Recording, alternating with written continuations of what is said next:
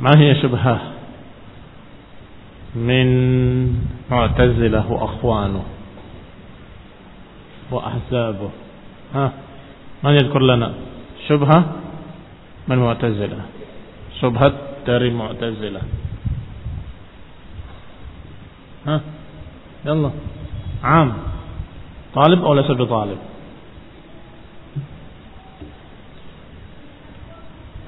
تفضل. Ada berapa syubhatnya? Dari Mu'tazilah yang sedang kita bantah. Syubhat masalah memandang wajah Allah SWT. Kata mereka nggak mungkin, nggak bisa. Apa alasannya? Dua alasan Mu'tazilah menolak ru'yah. Hah, yarfa ida. Nah. Nah, syubhat pertama mereka bilang bahwa Allah Subhanahu wa taala menyatakan lantarani kepada Musa, tidak akan engkau bisa melihat aku. Yang kedua? Hah? La yudrikuhu al-absar. Yang kedua kata mereka Allah Subhanahu wa taala menyatakan la yudrikuhu al-absar. Enggak akan ada yang bisa meliputi Allah Subhanahu wa taala. La yudrikuhu absar nggak akan bisa diliputi oleh mata. Nggak bisa diliputi oleh mata berarti kan tidak dilihat. Tidak mungkin bisa dilihat. Ini dua syubhat dari mereka. Dan sekarang bantahan yang pertama sudah dibantah. Manjid lana. Saya menyebutkan kepada kita. Lantaroni. Apakah maknanya tidak mungkin Allah dilihat yaumul qiyamah? Ya Allah. Saya menyebutkan bantahannya dari beberapa sisi. Sisi pertama, Allah. Man yujib? Hah? Naam.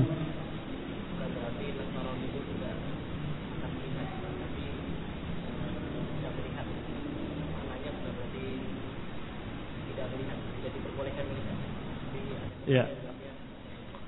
Alasan pertama bahwa kalimat lantarani maknanya tidak diizinkan uh, melihat bukan tidak bisa dilihat.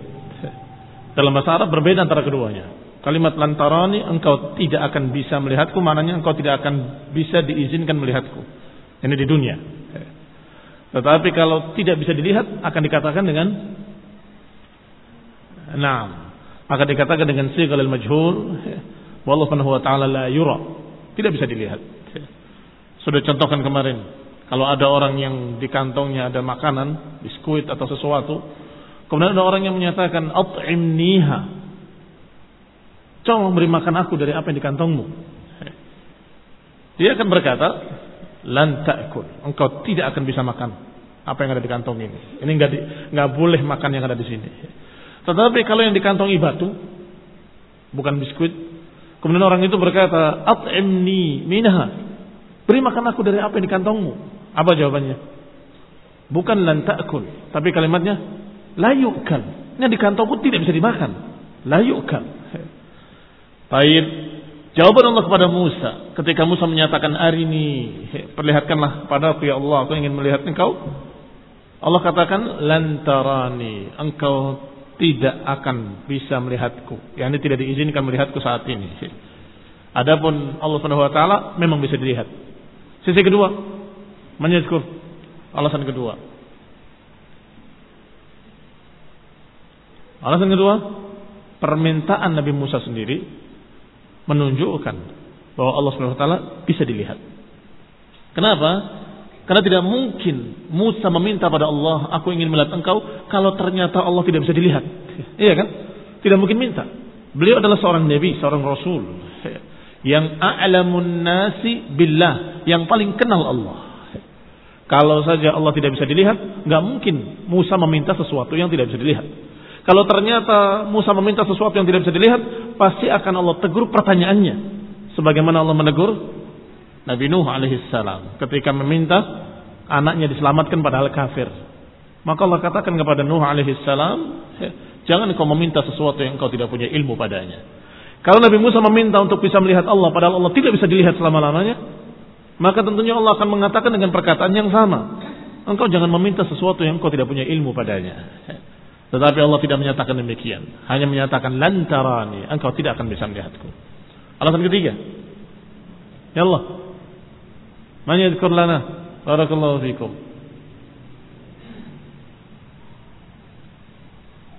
Nah. Nah. Masih? Wala ahad? Aina al-batal? Aina al-batal yaquluha ana da? Hah? Mana pemberani yang berkata saya? Ya Allah. Kalimat lan muabbad atau ghair muabbad? Selama-lamanya atau bukan selama-lamanya? Maknanya selama-lamanya, tapi ada batasnya. Apa contohnya? Allah Ta'ala yang menyatakan demikian. Falan abraha al-arda hatta ya'dana li abi. Dalam Al-Quran. Dalam surat Yusuf. Lan abraha. Aku tidak akan beranjak dari tempat ini. Hatta ya'dana li abi. Sampai abiku mengizinkan aku.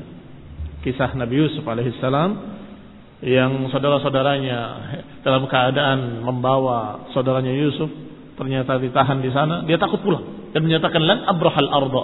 Aku tidak akan. Pakainya lan, lan abraha. Aku tidak akan. Selama-lamanya atau tidak selama-lamanya? Tidak selama-lamanya. Sampai kapan? Sampai diizinkan oleh ayahnya. Contoh lain, bahwa yang selama-lamanya itu kalaupun tidak dikasih batas, maka tetap itu maknanya hanya dunia, tidak sampai akhirat. Apa contohnya? Hah? Apa contohnya? Ayat Allah Subhanahu wa taala yang menceritakan Yahudi yang Allah katakan wala yatamannahu abadan bima qaddamat aydihim dan mereka tidak akan berharap mati selama-lamanya. Makanya lan ditambah lagi abadan. Walan yatamannahu abadan. Tidak akan mengharap mati selama-lamanya. Ternyata itu hanya dunia. Begitu di akhirat, mereka di neraka, mereka minta mati.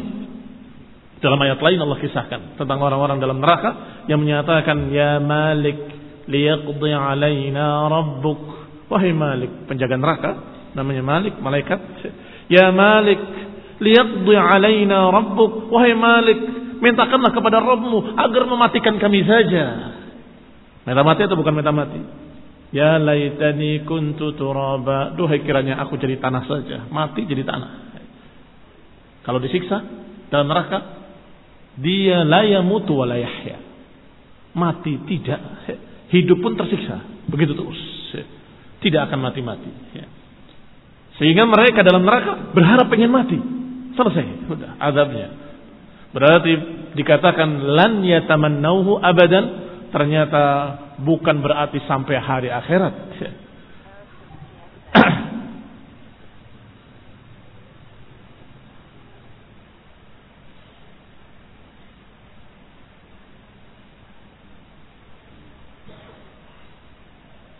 Namanya dari kitab.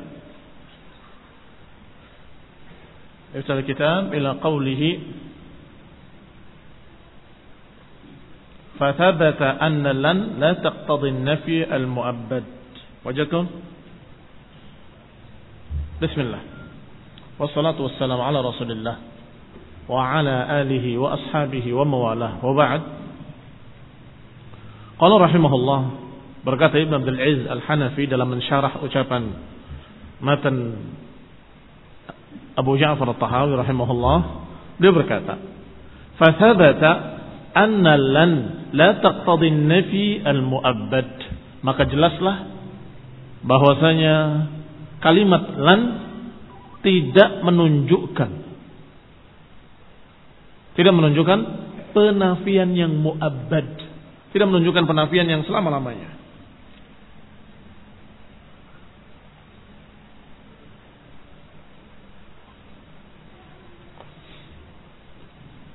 Qala Syekh Jamaluddin Ibn Malik rahimahullah. Berkata Syekh Jamaluddin Ibn Malik rahimahullah, "Man ra'a an-nafya bilan mu'abbadan fa qawluhu urdud fa siwahu fa'duda." Disebutkan dalam syairnya, siapa yang menganggap bahwa nafi dengan lan itu adalah untuk selama-lamanya, maka ucapannya tolaklah. Faqauluhu urdud, tolaklah. Wasiwahu fa'duda dan yang selainnya pegang. Dan yang selainnya ada pendapat yang lain bukan pendapat yang menyatakan lan itu untuk selama-lamanya. Demikian yang masyhur. Adapun dalam kitab Asy-Syafiyah atau Al-Kafiyah Asy-Syafiyah disebutkan dengan lafaz yang sedikit berbeda tetapi maknanya sama. Wa man ra'a an-nafya bilan mu'abbadan wa man ra'a an-nafya bilan mu'abbadan siapa yang menganggap bahwa lan itu maknanya untuk selama-lamanya maka faqauluhu maka ucapannya urdud wa khilafuhu duda. Ini lafaz lainnya. Maka ucapannya talaklah wa khilafuhu duda. Tidak ada fa-nya dan pakainya bukan siwahu tapi khilafu.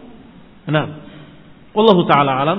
Ini menunjukkan bahwasanya para ulama yang ahli dalam bidang bahasa Arab pun menyatakan lan itu bukan selama-lamanya sampai hari kiamat tetapi tetap ada batasnya.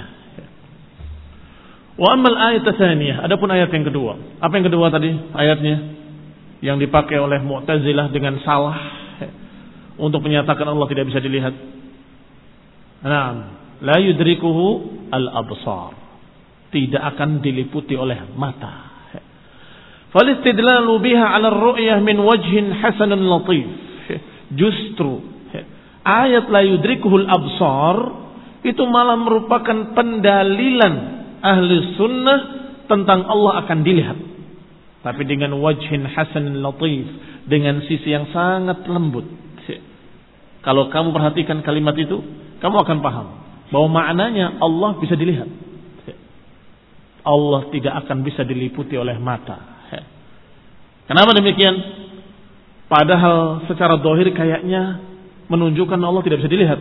Tetapi ternyata secara lembut kalau kita lihat bahwa ini menunjukkan Allah bisa dilihat. Karena kalimat tidak bisa diliputi itu berbeda dengan bahasa tidak bisa dilihat. Sangat berbeda. Allah Ta'ala innama dzakaraha fi siyaqit tamadduh. Pertama, Allah Subhanahu wa taala menyebutkan kalimat itu dalam memuji dirinya. Allah itu la yudrikuhul absar. Ini sifat pujian bagi Allah SWT. Wa ma'lumun anna al-madah inama yakunu bi sifatin thubutiyah. Dan sudah maklum bahwa sifat Allah mesti dengan bentuk yang sifatnya thubutiyah. Thubutiyah itu e, kalimat positif, bukan kalimat negatif. Kalimat positif itu kalimat yang mengadakan sesuatu, bukan kalimat yang menafikan dan meniadakan sesuatu, bukan. Yang meniadakan disebut dengan uh, nafiyah sedangkan subutiyah itu adalah menyebutkan satu sifat. Wa amal adamul mahud falaysa bikamalin fala yumdah bihi.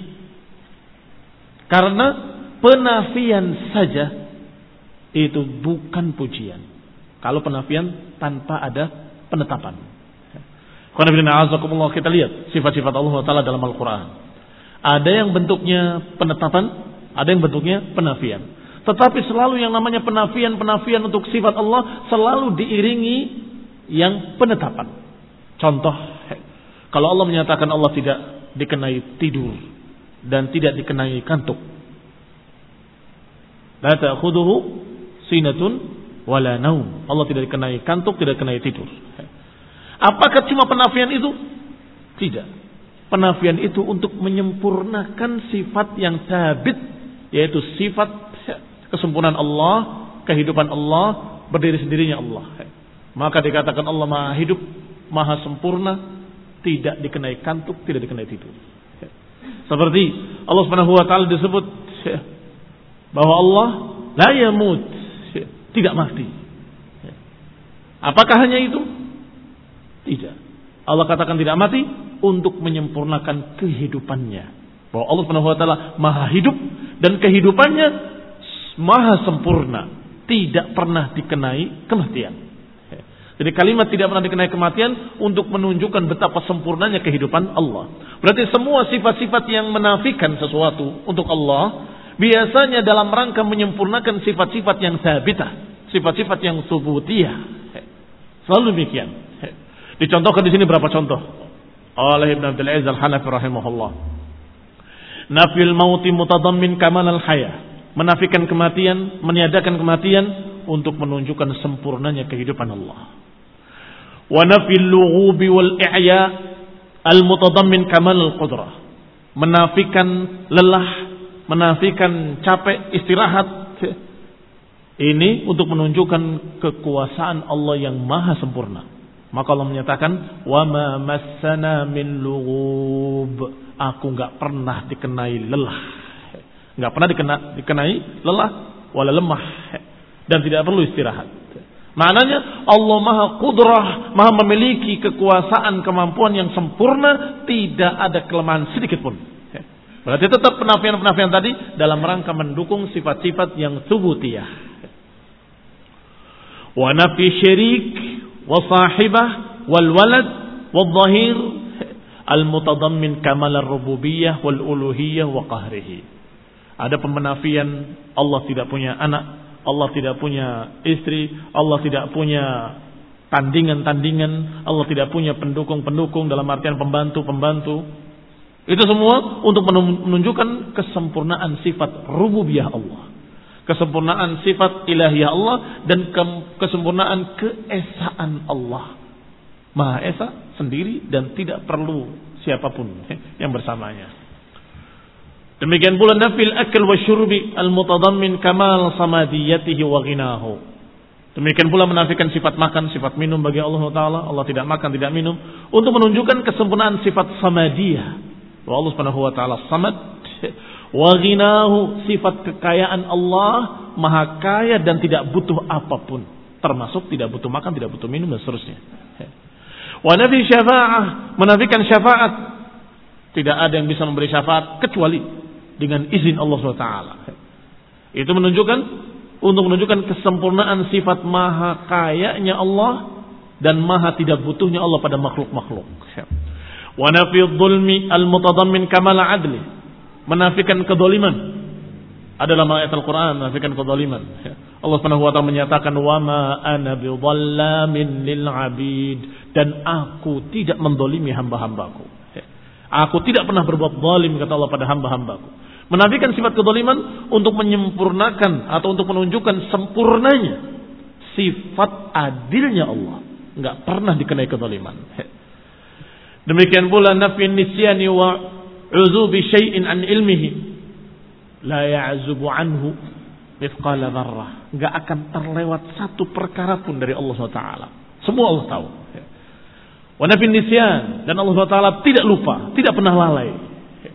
Untuk menunjukkan kesempurnaan ilmu Allah, ilmu Allah sempurna, nggak pernah ada yang terlewat, nggak pernah ada yang terlupa oleh Allah Taala. Menunjukkan sempurnaan sifat ilmu bagi Allah Taala. Wa nafil mithl Al-mutadammin kamala dzatihi wa sifatih. Menafikan misil, menafikan kesamaan bahwa Allah laisa kamitslihi syai. Allah tidak ada yang menyamainya sesuatu apa pun. Maknanya bahwa sifat nafi-nafi tadi menafikan kesamaan artinya Allah maha sempurna zatnya dan sifat-sifatnya sehingga tidak bisa disamai oleh apa pun. Lam yakun lahu samia. Tidak ada yang sama bagi Allah Subhanahu wa taala. Walihada lam yatamaddah bi'adamin mahab, lam yatadaman amran thubutiyan. Oleh karena itu semua sifat-sifat yang berupa penafian, sifat-sifat yang berupa peniadaan tidak mungkin berdiri sendiri. Pasti ada sifat thubutiyahnya. Sudah contohkan tadi semuanya. Tidak ngantuk, tidak tidur, tidak pernah mati, maknanya sempurnanya kehidupan Allah Taala. Ada sifat kehidupan. Dan itu menyempurnakan atau menjelaskan kesempurnaan sifat kehidupannya. Dan selalu begitu. Sekarang kita kembali kepada apa yang sedang dibahas. Kalau Allah Subhanahu wa taala yudrikuhul absar, tidak bisa diliputi oleh mata. Kalau itu tok tanpa ada subutiahnya, maka kata beliau sama dengan yang tidak ada. Yang tidak ada bisa dilihat atau nggak bisa dilihat? Nggak bisa dilihat. La yudrikuhu al-absar. Enggak bakal bisa diliputi oleh mata. Ada aja enggak. Orang bikin khayal, cerita, cerita, cerita yang dusta. Makhluk yang begini, begini, begini, begini. Apakah ada yang pernah melihatnya? Enggak pernah. Berarti la yudrikul absar. Iya kan? Masa sama Allah dengan makhluknya? Maka tidak mungkin sama dengan Adam. Allah Subhanahu wa taala tidak mungkin sama dengan sesuatu yang tidak ada. Karena sama-sama nggak bisa dilihat. Wala yusaful kamil bi amrin yashtarik huwa wal ma'dum dan tidak mungkin Allah disifati dengan satu sifat yang bersama-sama antara Allah dengan yang tidak ada. Sifatnya sama, nggak mungkin. Fa innal ma'na annahu yura wa la yudrak wa la yuhatu bihi. Maka makna ayat tadi bukan itu. Makna ayat tadi adalah Allah bisa dilihat tetapi tidak bisa diliputi dengan penglihatan. Berbeda antara yang pertama dan kedua. Alhamdulillah. Yahdikumullah subhanahu Farriq bainahuma. Bedakan antara keduanya. Yang pertama, Allah bisa dilihat. Yang kedua, Allah tidak bisa diliputi penglihatan. Jangankan berbicara tentang Allah Subhanahu wa taala. Walillahil masalul a'la. Allah memiliki permisalan yang maha tinggi, nggak bisa disamakan dengan makhluk. Masalul a'la, kata Syekh Ibnu Utsaimin adalah kalau pada makhluk saja tidak bisa apalagi pada Allah Subhanahu wa taala. Sekarang kita bisa melihat matahari? Oh bisa. Itu matahari. Apakah bisa meliputi dengan penglihatan kita seluruh sisi matahari? Tidak bisa. Kenapa? Terlalu besar. Kalau kita deketi, bisa nggak diliputi oleh mata? Nggak bisa. Kalau sudah deket, kayak kita di bumi ini, ya lihat bagian sini saja, bagian sana nggak tahu kayak apa. Sahih? Itu namanya la yudrikuhu. Tidak bisa diliputi oleh pandangan kita. Nggak mampu kita melihat seluruhnya. Segala sisinya nggak bisa. Itu baru makhluk. Apalagi Allahu Akbar. Allah yang lebih besar. Maha besar. Yang tidak sama dengan makhluknya. Yang a'la wa a'la wa a'la. Yang akbar wa akbar wa akbar. Walillahil mathalul a'la. Allah memiliki permisalan yang lebih tinggi lagi. Berarti al-idrak amrun zaidun ala amrin ru'yah. Saya ulangi. Bahwasanya al-idrak itu perkara yang lebih tinggi lebih daripada sekedar melihat.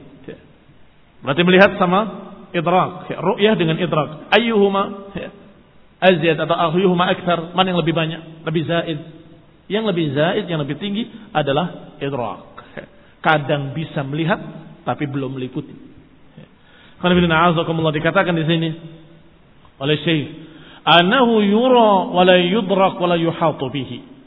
Maknanya berarti ayat tadi la yudrikul absar, Allah membanggakan dirinya dan Allah berhak untuk sombong karena sombong adalah pakaian Allah. Allah membanggakan dirinya bahwa dirinya la yudrikuhul absar, nggak akan bisa diliputi oleh mata, nggak bisa, nggak mampu mata untuk melihat segala sisinya dari seluruh sisi, nggak bisa. Artinya kalaupun nanti mereka melihat wajah Allah, mereka tidak bisa melihat secara keseluruhan dari segala sisi. Berarti yura wala yudrak. Dilihat tetapi tidak bisa diliputi. Faqauluhu la tudrikuhul absar, maka ucapan Allah la tudrikul absar yadullu ala kamali azamatihi. Maka ini menunjukkan betapa agungnya Allah, betapa besarnya Allah. Enggak mampu kita meliputi dengan mata kita segala sisinya wa anahu akbar min kulli syai. Dan Allah maha besar dari segala sesuatu. Wa annahu likamali 'azamatihi la yudrak bihaitsu yuhatu bihi. Karena Allah maha besar maha agungnya Allah maka Allah tidak bisa diliputi oleh pandangan-pandangan manusia. Fa innal idrak wal ihata bi syai. Karena yang namanya idrak adalah ihata bi syai. Idrak adalah meliputi dari segala sisinya wa huwa qadrun zaidun 'ala ru'yah yang menunjukkan bahwasanya idrak itu adalah perkara yang lebih dari sekedar melihat.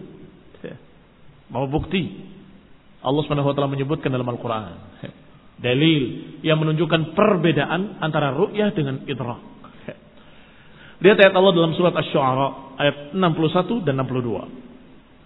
Ketika Nabi Musa dan para pengikutnya dari Bani Israel dikejar-kejar oleh Fir'aun dan bala tentaranya.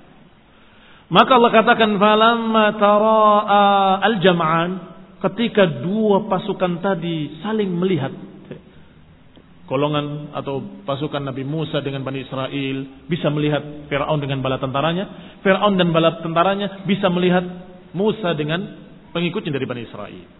Ini namanya tara al-jam'an. Kata Allah, "Falamma tara al-jam'an," ketika keduanya sudah saling melihat. Qala ashabu Musa, maka pengikut Nabi Musa berkata, "Inna lamudrakun." Wahai Musa, kena kita. Sudah bisa dikepung kita, sudah diliputi kita. Mudrakun, kalimat idrak. Inna lamudrakun. Apa kata Musa? Kalla. Inna ma'iya rabbi. Tidak. Ada Rabb kita bersama kita. Tidak akan bisa mereka idrak. Adapun tara'a saling melihat sudah. Tetapi idrak dibantah oleh Musa. Tidak. Mereka nggak akan bisa yudrikuna. Beda atau tidak beda berarti? Yang satu ditetapkan, yang satu dinafikan. Ru'yah ditetapkan. Falamma tara al-jam'ani. Ketika keduanya sudah saling melihat. Ru'yah sudah berarti. Qala ashabu Musa, berkata pengikut Nabi Musa, "Inna lamudriku lamudrakun." Wahai Musa, mereka akan bisa meliputi kita. Dijawab oleh Musa, "Kalla, tidak." apa yang dinafikan oleh Musa? Kalau yang dinafikan oleh Musa penglihatan mustahil. Nyatanya mereka sudah melihat kok. Falam yanfi Musa ar-ru'ya. Berarti Musa bukan menafikan penglihatan. Wa inna manafil idrak. Tetapi Musa menafikan al-idrak. Farru'yah wal idrak kullun minhuma yujad mal akhar bidu wa bidunihi. Maka kalimat ru'yah dengan kalimat idrak adalah dua kalimat yang berbeda. Bisa bersama-sama, bisa sendiri-sendiri terjadi.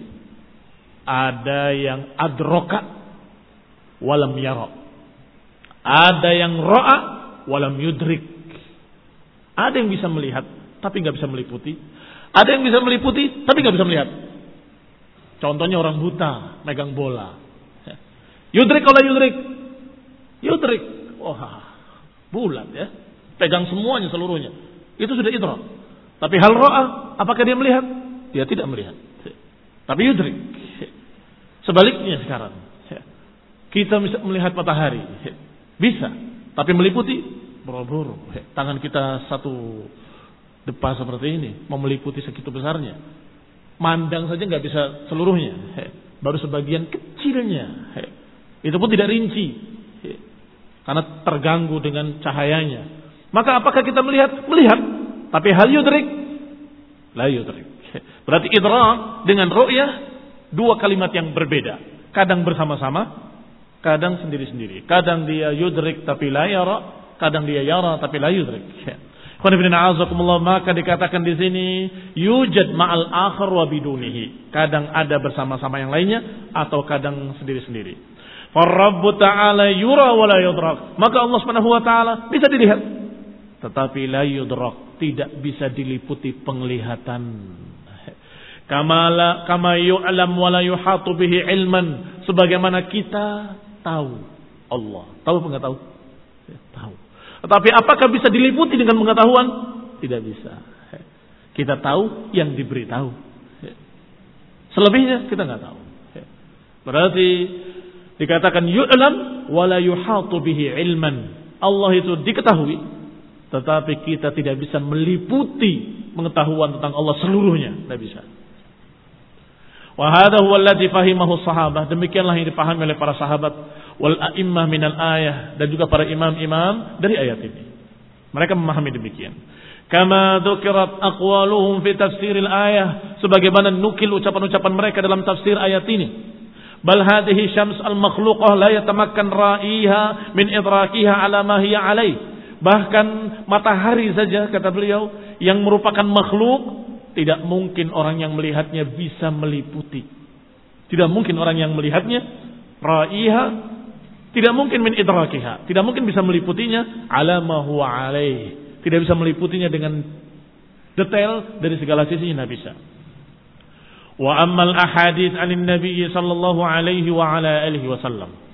Adapun hadis-hadis dari Nabi sallallahu alaihi wa ala alihi wasallam tentang dilihatnya Allah oleh penduduk surga nanti yaumul qiyamah adalah ala ru'yah famutawatiratun maka dalil-dalilnya dari hadis mutawatir mutawatir itu adalah la yumkin tawatuhu alal kadhibi hadis-hadis mutawatir maknanya adalah sesuatu yang tidak mungkin direncanakan dusta, nggak mungkin.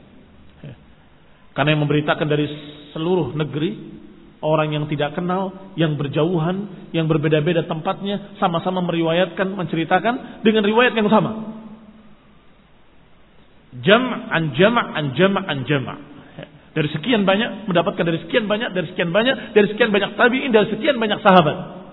Maka hadis ini mutawatir yang la yumkin tawatu'uhu 'alal kadhibi, yang tidak mungkin mereka sepakat atas kedustaan. Tidak mungkin mereka sepakat atas kedustaan. Walaupun seseorang belum pernah melihat langsung Ka'bah, tetapi mereka semua yakin. Kenapa? Yang menceritakan mutawatir. Taib al-Ka'bah dalam Quran ada, yang tidak dalam Quran. Negeri yang namanya negeri apa? Ada apa nggak ada? Jepang ada apa nggak ada? Ada. Tahu dari mana kamu pernah ke sana? Nggak pernah. Yang orang banyak cerita, jangan-jangan dusta mereka. Oh, nggak mungkin. Kenapa nggak mungkin? Orang sekian banyaknya bersepakat untuk dusta. Dari segala macam negeri penjuru, dalam segala macam bangsa, dalam sekian macam manusia, semuanya memberitakan berita yang sama. Maka tidak mungkin mereka berdusta.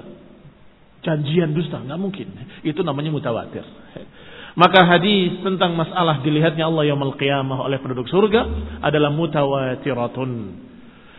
Rawaha ashabus sihah wal masanid was sunan. Diriwayatkan oleh para ulama ahli hadis, pemilik kitab-kitab sahih. Sahih Bukhari, Sahih Muslim. Masih ada lagi Sahih Ibn Hibban dan lain-lainnya. Walaupun yang terkenal adalah Sahih Bukhari dan Muslim. Juga dalam masanid, musnad-musnad seperti musnad Imam Ahmad dan lain-lainnya. Was sunan seperti ashabus sunan yang empat dan lain-lainnya. Faminha hadis Abi Hurairah. Di antaranya hadis dari Abu Hurairah radhiyallahu taala anhu anna nasan qalu bahwa manusia berkata, "Ya Rasulullah, hal nara rabbana yaumal qiyamah?" Wahai Rasulullah, apakah kita akan melihat Rabb kita yaumul qiyamah? Faqala Rasulullah sallallahu alaihi wa ala alihi wasallam maka beliau bersabda hal tudamuna fi ru'yatil qamar lailatul badri? Apakah kalian perlu berdesak-desakan untuk melihat bulan di malam purnama? Qalu la. Mereka menjawab tidak. Tidak ya Rasulullah. La ya Rasulullah. Qala maka Nabi pun bersabda fa innakum kadzalik maka sungguhnya kalian juga Demikian. Ada pertanyaan kedua sebelum kalimat itu. Hal tudarruna fi syamsi laisa dunaha sahab? Apakah kalian perlu bersakit-sakit atau berupaya untuk melihat matahari di hari yang tidak ada awan? Apakah terganggu, terhalang, mendapatkan madarat?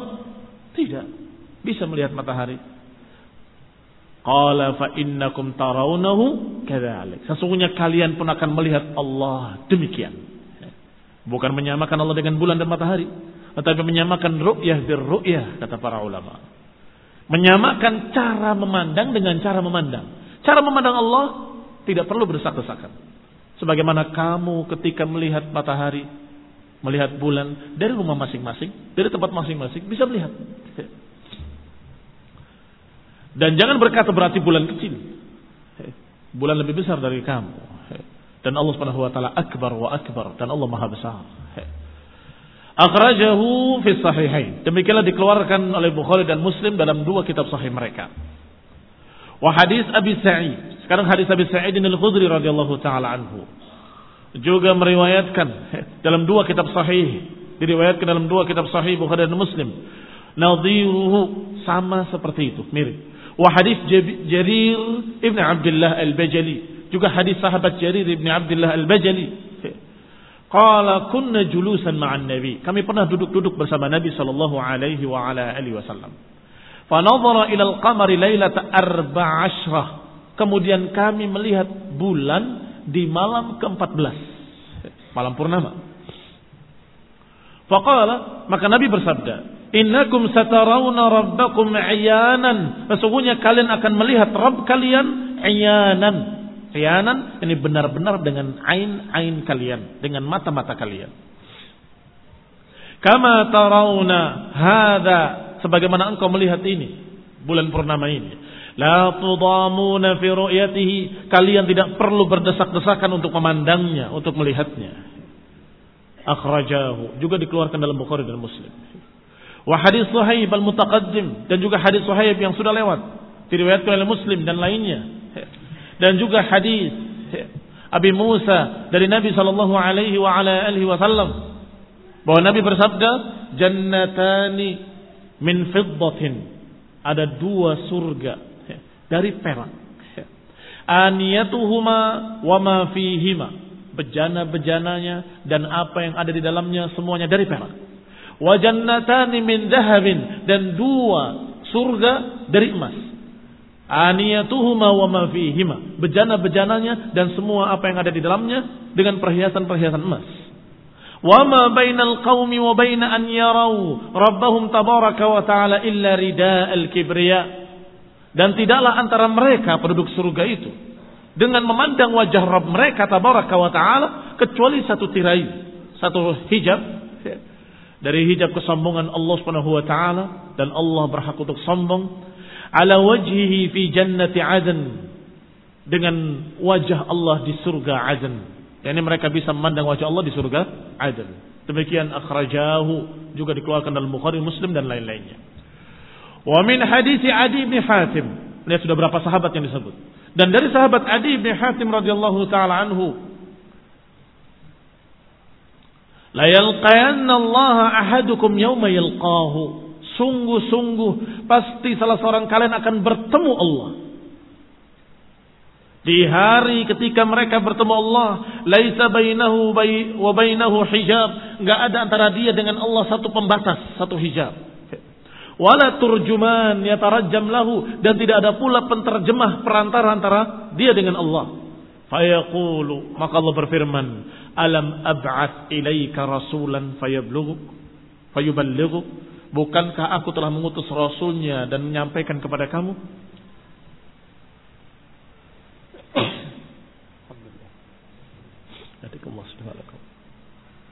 Fayaqulu bala ya Rabb. Maka orang tadi menjawab tentu ya Rabb. Fayaqulu alam u'tika malan wa afdul alaik. Bukankah aku telah memberikan harta kepadamu dan aku lebihkan untukmu?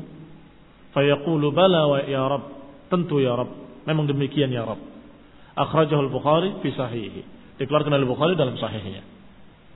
Asyahid adalah kalimat laisa bainahu wa bainallahi hijab. Enggak ada antara dia dengan Allah hijab. Artinya langsung berhadapan. Wa qad rawa ahaditsur ru'yah nahwa 30 sahabiyan dan riwayat tentang mereka ahlu surga memandang wajah Allah diriwayatkan kurang lebih dari 30 sahabat. 30 sahabiyan dari 30 sahabat. Wa man ahata biha kalau sudah ada 30 sahabat, kira-kira tabiinnya berapa? Satu sahabat menyampaikan kepada berapa orang kira-kira? Kalau anggap dua saja sudah 60. Apalagi kalau setiap sahabat memiliki murid-murid yang banyak. Maka berarti kali sekian. Maka semakin banyak, semakin banyak, semakin banyak. Inilah yang dikatakan mutawatir. Jama'an jam'in an jam'in an jam'in. Nah. Fa inna fiha ma isbatir ru'yah an yukallim man sya'ida sya'a. Maka di samping berita-berita ru'yah, mereka memandang wajah Allah, juga hadis-hadis tadi menunjukkan bahwa Allah mengajak bicara siapa pun yang dikehendakinya. Dengan apa yang diriwayatkan tadi? Dengan kalimat alam ab'at ilaika rasulan fayuballighu alam u'tika malan wa afdul lak. Ini semua adalah menunjukkan Allah taala akan dilihat yaumul qiyamah dan Allah akan berbicara kepada siapa pun yang Allah kehendaki. Wa annahu ya'ti li faslil qada'i yaumil qiyamah dan juga menunjukkan bahwa Allah taala akan datang menyelesaikan urusan-urusan para makhluk yaumil qiyamah. Wa annahu fawqal alam dan Allah Subhanahu wa taala di atas seluruh alam. Ini juga menunjukkan atau faedah dari hadis-hadis tadi yang mutawatir. Kenapa kita ambil faedah dari hadis-hadis mutawatir tadi bahwa Allah Subhanahu wa taala di atas seluruh makhluk? Karena cara melihatnya disamakan dengan cara melihat bulan. Berarti ke mana? Atas. Maka ketika mereka memandang wajah Allah di surga, mereka juga memandangnya ke atas. Di samping ada kalimat-kalimat yang lebih jelas di atas surga Aden. Allah Subhanahu wa taala di atas surga Aden. Surga Aden adalah yang paling tinggi. Dari surga-surga yang lain mereka melihat dan yang paling tingginya adalah surga Firdaus dan kemudian dikatakan di atasnya Allah Allah Subhanahu wa taala dan Allah membuka hijabnya dan mereka memandang wajah Allah Subhanahu wa taala. Qala wa annahu yunadihim bi sautin yasma'uhu min bu'din kama yasma'uhu min qurbin. Dan bahwasanya kita mendapatkan faedah juga dari hadis-hadis mutawatir tadi bahwa Allah Subhanahu wa taala berbicara dan memanggil siapa yang dikehendakinya dan Allah mengajak bicara siapa yang dikehendakinya dengan suara yang yusmi'uhu min bu'din yang bisa didengar dari jarak jauh wa yusmi'uhu min qurbin dan juga bisa dengar dari jarak dekat. Ini kekuasaan Allah Subhanahu wa taala. Kadang-kadang suara itu dari dekat jelas, tambah jauh jadi nggak jelas. Sebaliknya dari jauh jelas. Ketika dekat apa yang terjadi? Berbekan telinga nggak bisa nggak bisa jelas, iya kan? Tapi Allah Subhanahu wa taala Maha Kuasa memperdengarkan ucapan-ucapannya kepada siapa yang dikehendaki min qurbin wa min bu'din, dari dekat ataupun dari jauh. Wa huwa ala kulli syai'in qadir. Wa annahu yatajalla li ibadihi dan bahwa Allah Subhanahu wa taala bisa menampakkan dirinya kepada hamba-hambanya yang dikehendaki. Dan tentunya hamba-hamba yang dikehendaki adalah ahlul jannah, penduduk surga. Wa annahu yatahaq ila ghairi dzalik min sifat dan juga dari hadis-hadis tadi bahwa Allah Subhanahu wa taala diambil faedah tentang Allah bahwasanya Allah Subhanahu wa taala tertawa. Karena di antara lafaz-lafaz hadisnya ada kisah ketika Allah taala mengajak bicara orang yang terakhir masuk surga. Ketika mereka dalam keadaan orang ini dalam neraka, dalam keadaan memanggil-manggil Allah terus-menerus, Sampai dia menyatakan, Ya Allah selamatkan aku dari neraka, selamatkan aku. Sudah tidak berpikir tentang surga. Sudah putus asa untuk mendapatkan jannah. Sehingga dia menyatakan, yang penting aku selamat dari, dari neraka, selesai. Diselamatkan oleh Allah dari neraka. Dia melihat neraka masih takut, masih trauma. Ya Allah palingkan aku dari neraka. Aku tidak mau melihat lagi neraka. Aku nggak mau melihat lagi. Maka Allah palingkan dia ke tempat yang bisa melihat surga, tidak melihat neraka. Maka lihatnya surga. Begitu melihat surga, pingin. Ya Rabb, masukkan aku ke surga. Aku pengen kebun itu saja, yang dekat itu. Maka Allah mengatakan, masuklah. Ya Rabb, apakah surga itu belum penuh? Maka Allah tertawa. Di sini disebutkan yadhak. Allah Subhanahu wa taala tertawa. Walaupun tertawanya tidak sama dengan makhluk, tetapi ini sabit riwayatnya sahih bahwa Allah Subhanahu wa taala mengajak bicara siapa yang dikehendaki dan Allah Subhanahu wa taala tertawa ketika Allah menghendaki dan ini semua ala kulli syai'in qadir. Allah Subhanahu wa taala Maha kuasa dan Maha bisa. Qala allati sima'aha 'ala al-jahmiyah ila ghairi dzalik min sifat allati sima'uha 'ala al-jahmiyah bimanzilatis sawa'id. Ini semua faedah-faedah penting yang diambil dari hadis-hadis mutawatir yang suara kalau didengar oleh kaum Mu'tazilah dan kalangan Jahmiyah seperti petir. Misal sawa'iq, manzilatus sawa'iq. Kalau kamu membaca hadis-hadis ini yang mutawatir, mau dikatakan dhaif tidak mungkin. Tidak ada seorang yang ngerti hadis sedikit saja. Nggak akan ada yang menyatakan bahwa hadis ini dhaif. Kenapa? Karena hadis ini mutawatir. Nggak mungkin selemah-lemahnya ilmu seseorang tentang hadis pasti akan mengatakan bahwa hadis ini sahih. Kalau dia menyatakan hadis ini dhaif, maka dia ajhalul jahilin. Dia akan menjadi sebodoh-bodoh manusia. Kan diberitakan oleh sekian sahabat kepada sekian tabi'in, dari sekian tabi'in kepada sekian tabi'in tabi'in, tidak mungkin dusta. Tetapi isinya Mu'tazilah dengan Karangan Jahmiyah tidak bisa terima. Maka kata Ibn Abdul Aziz, faedah-faedah ini semua yang kalau didengar oleh mereka kaum Mu'tazilah dan kaum Jahmiyah niscaya terdengar oleh mereka seperti petir yang menyambar, seperti sawa'iq yang memutus jantung-jantung mereka. Demikianlah keadaan mereka seperti seperti jin yang diruqyah. Kalau dibacakan Quran kepanasan mereka, gemetaran Hatinya dalam keadaan bukan karena takut, tapi karena jengkel. Adhu alaihi anamil mereka menggigit jari-jari mereka karena jengkelnya kepada ahlu sunnah dan kepada ayat-ayat tadi. Ibn a'azakumullah sallallahu taufiq wal afiyah. Rasul hidayah wa rahmah subhanaka wa bihamdik. Asyhadu an la ilaha illa anta astaghfiruka wa atubu ilaik. Assalamualaikum warahmatullahi wabarakatuh.